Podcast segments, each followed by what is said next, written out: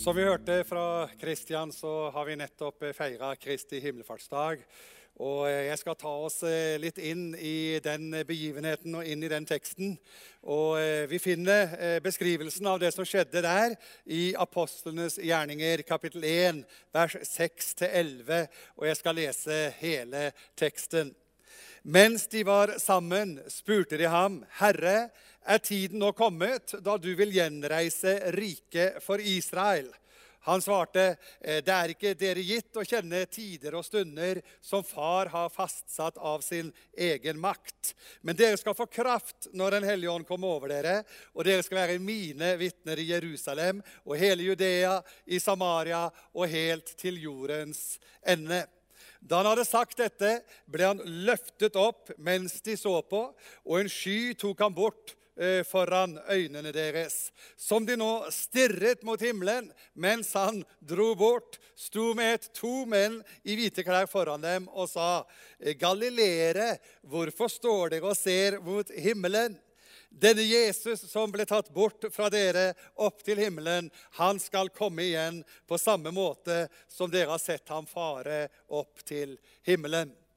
Her ser vi altså at Jesus han forlater arenaen, han forlater scenen. Han har allerede gjort det kjent for sine disipler at uh, han skal forlate dem for å reise hjem til sin far. Jeg, jeg, ser for meg den scenen når Jesus gjør det kjent til sine disipler at han skal forlate dem. Jeg kan tenke meg det var mye forvirring, frustrasjon eh, og, og, og, spørsmål og tvil og undring. Hva i all verden er det han sier? Jo, nå må dere høre etter. Jeg skal forlate dere. Jeg skal reise hjem til min far far. Og da tenker jeg med disiplene lurer vår store helt, han som vi har satsa alt på, han skal forsvinne. Hva er det egentlig som skjer? Og så har Jesus altså forutsagt at han skal reise hjem til sin far. Og så skjer det her i den teksten vi leste. Han ble rykka opp foran øynene på dem. Jeg er ikke eh, overraska over at dette opplevdes meget spesielt for disiplene. Det som eh, skjedde forut eh, for det vi nå leste, det er at Jesus i rundt 40 dager han underviste disiplene sine. Etter oppstandelsen underviste dem om eh, Guds rike. Så Derfor så stiller de også spørsmålet, 'Herre, når skal dette skje?' Når skal det skje at du gjenreiser riket for Israel? Du, Det har alltid vært en nysgjerrighet og interesse for framtida og endetida. Og vi merker det også i den tida vi lever i nå. Det er mange som spekulerer også i dette med korona og, og, og, hva er det som egentlig skjer. Eh, da er det godt å ta denne teksten som vi nå leste om eh, Kristi himmelfartsdagen. Eh, så er det godt å se at Jesus han går egentlig ikke så veldig inn på spørsmålet deres om endetida. Når skal det skje? Når skal det skje? Når skal du gjøre det? Når skal du gjøre det? Nei, Jesus han sier det er ikke dere gitt å kjenne tider og stunder. Jesus har altså et større fokus i den teksten vi leste nå, på at vi skal fullføre vårt oppdrag, enn at vi skal være opptatt med tidens tegn. Spekulasjon om endetid og overdrevent himmelvendt liv er en distraksjon i forhold til det oppdraget Gud har gitt oss. Eh, for eh, også englene eh, de kommer til disiplene og sier hvorfor står dere og ser mot himmelen? Eh, dere må jo huske det Jesus sa. Dere skal få kraft når Den hellige ånd kommer over dere, og dere skal være mine vitner i Jerusalem, Judea, Samaria og helt til jordens ende. Så eh, det er greit å være opptatt av himmelen, men vi må ikke være så himmelopptatt at vi glemmer hvilket oppdrag vi har på jorda. Og det er greit å være orientert om hvilken tid vi lever i, men spekulasjon om endetiden det er en distraksjon fra oppdraget. Vi vet jo hvilken tid vi lever i, og det er positivt. Eh, vi vet jo faktisk også at vi er litt på oppløpssiden av vårt oppdrag. Og det motiverer oss ikke til spekulasjon, men det, opp, det, det oppmuntrer oss, og det motiverer oss til Our mission is possible. Vårt oppdrag er mulig. Så den teksten vi nå har lest, det er om oppdraget Jesus som eh, blir tatt opp til himmelen, løftet om Den hellige ånd. Det er neste helg hvor vi skal feire pinse. Eh, det er kraft som vi skal få til oppdraget. Og så får vi høre Han som ble tatt opp, han kommer igjen. Det er interessant å tenke på at før Jesus blir tatt opp til himmelen, så gir han sine disipler beskjed i Johannes 16. Eh, det er det beste for dere at jeg går bort. Det var nok en meget eh, revolusjonerende tanke for disiplene. Hva kan være best for oss ved at Jesus går bort? Det er jo han vi trenger. Men Jesus begrunner det og sier, 'Dersom jeg ikke går bort, kommer ikke talsmannen til dere.' 'Men går jeg bort, kan jeg sende ham til dere.' 'Og når han kommer, skal han gå i rette med verden.' 'Han skal overbevise, han skal vise synd, rettferdighet, dom.' 'Synden at de ikke tror på meg, rettferdighet at jeg går til Far.' 'Og dere ser meg ikke lenger.' 'Dommen at denne verdens fyrste er dømt.' Jeg ønsker bare å minne om at eh, det er viktig at vi kristne ikke går Den hellige ånd i næringa. Det er ikke vi som skal peke på mennesker og overbevise dem om synd, om dom og rettferdighet. Nei, der er Den hellige ånd spesialisten på å gjøre dette. Eh, det er fantastisk å vite at vi nå lever i en tid som Jesus beskriver som det er det beste for dere at jeg går bort. Fordi han eh, har sånn tillit og tro til Den hellige ånd, som han kaller for talsmannen. Eh, det er altså en fordel nummer én at Jesus dro hjem til far. Det er at han ga oss sin ånd. Jesus kunne bare være på ett sted samtidig, men Den hellige ånd han er overalt hele tida. Han er akkurat her og nå. Han er der hvor du sitter. Han er her hvor jeg står, samtidig. Jesus var begrensa i sin kropp, men eh, nå er Den hellige ånd kommet. Og så er det en fordel for oss at Jesus har gått hjem til far. Første fordel er at han ga oss Den hellige ånd. For Johannes 7, 39 sier at ånden var ennå ikke kommet fordi Jesus ennå ikke var blitt herliggjort. Nå er Jesus herliggjort. Nå er Den hellige ånd kommet. Hvem er så Den hellige ånd? Jo, Jesus beskriver Den hellige ånd som en annen talsmann. Eh, på gresk, for i Nye testamentet er jo skrevet på gresk. Der står det 'allos parakletos', annen talsmann. Og Det uttrykket betyr en annen talsmann av samme kvalitet, samme nivå, samme karakter, samme person, som, samme personlighet som Jesus Kristus. Så eh, han sier i Johannes 14.: Jeg vil be min far, og han skal gi dere en annen talsmann som skal være hos dere for alltid. Så Den hellige ånd kommer aldri til å si 'bye, bye, jeg stikker'. Han kommer aldri til å si eh, 'nå må jeg forlate dere'. Nei, Jesus har sagt han skal være hos oss for alltid. Så eh, dette med allos parakletos, annen talsmann Ordet parakletos det kan også oversettes med advokat, trøster og hjelper. Så Fordel nummer én ved at Jesus dro hjem på Kristi himmelfartsdag, det er at han sendte Den hellige ånd til oss.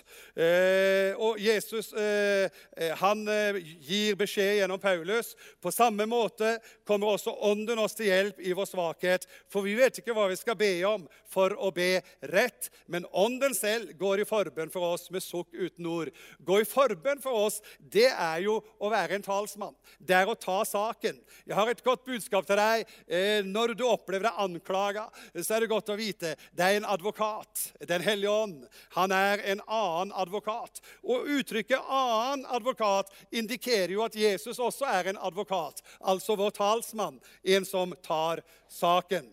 Fordel nummer to ved at eh, Jesus eh, drar til himmelen, det er at han kommer veldig nær til far i himmelen. Eh, Paulus sier, 'Hvem kan anklage dem som Gud har utvalgt?' Gud er den som frikjenner.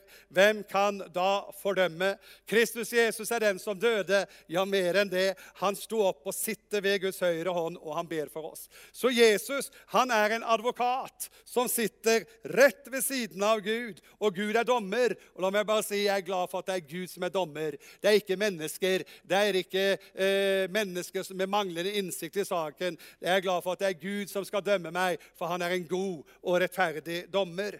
Men så sitter altså Jesus som min advokat, som min talsmann, som min eh, eh parakletos, den som trøster og tar saken min. Han sitter ved Guds høyre hånd. Så eh, det er ganske kortreist bønn Jesus praktiserer. Han er en advokat som taler vår sak. Nå sitter han på tronen, og han går i forbønn for oss.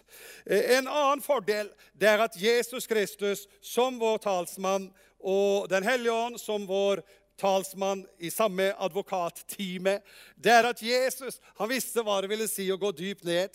Og han visste også hva det vil si å bli løfta høyt opp. På Kristi himmelfartsdag så ble han jo løfta høyt opp. Men før det så hadde han allerede vært høyt oppe og fornedra seg selv.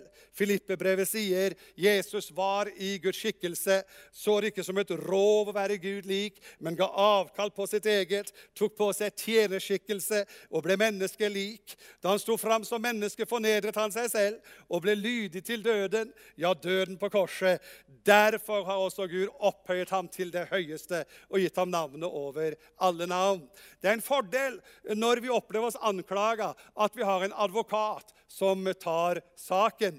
Og la meg bare si at Vi har verdens beste advokatteam i personen Jesus Kristus, som også introduserer eh, sin partner i advokatteamet, Allos Parakletos, en annen advokat, en annen talsmann, en annen hjelper, en annen trøster. Dette skal vi feire i pinsen, at Den hellige ånd kom.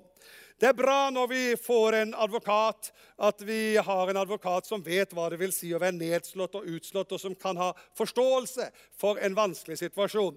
Men det er samtidig bra når vi får en advokat, at han har eh, myndighet og, og makt og evne til å gjennomføre eh, saker og ting. I Jesaja så står det Så sier han som er høyt og opphøyt, han som troner, den hellige er hans navn. Så sier han to ting. I det høye og hellige bor jeg, altså det er høyt oppe. Men også hos den som er knust og nedbøyd i ånden. Det er dypt nede. Jeg er så glad for at Jesus ikke bare er fjernt høyt der oppe, men eh, han går med sitt advokatteam også dypt ned inn i vår situasjon. Vi har en advokat som forstår oss og vil hjelpe oss. Han eh, gikk lavt ned. Eh, han identifiserte seg med deg og meg. Empati som gir vilje til å gjøre noe. En funksjon til å hjelpe. Advokaten vil, for han forstår oss, og han er full av kjærlighet til oss. Men så er han også høyt oppe. Det vil si, han har makt, han har kraft, han har autoritet. Han kan. Han eh, har makt og mulighet til å gjøre noe. Han er i posisjon til å hjelpe. Jesus sammen med eh, partneren Den hellige ånd i advokatteamet, det er en advokat som kan det han holder på med. Det er en advokat som vil det han holder på med. Det hjelper jo ikke å kunne hvis du ikke vil, og det hjelper heller ikke å ville hvis du ikke kan.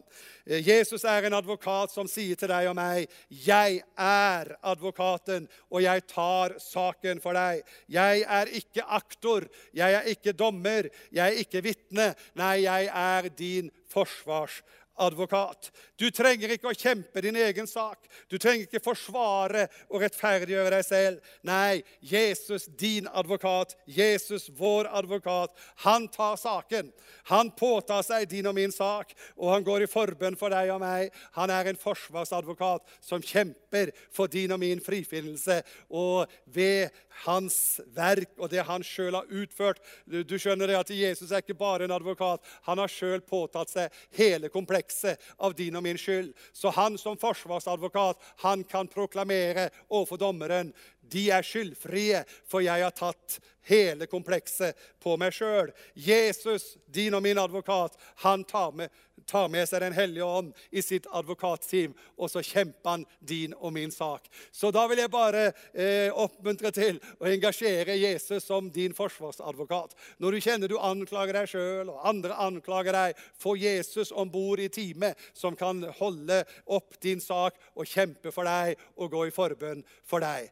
Og eh, nå skal vi få eh, høre en sang som eh, heter 'Forvent mer'.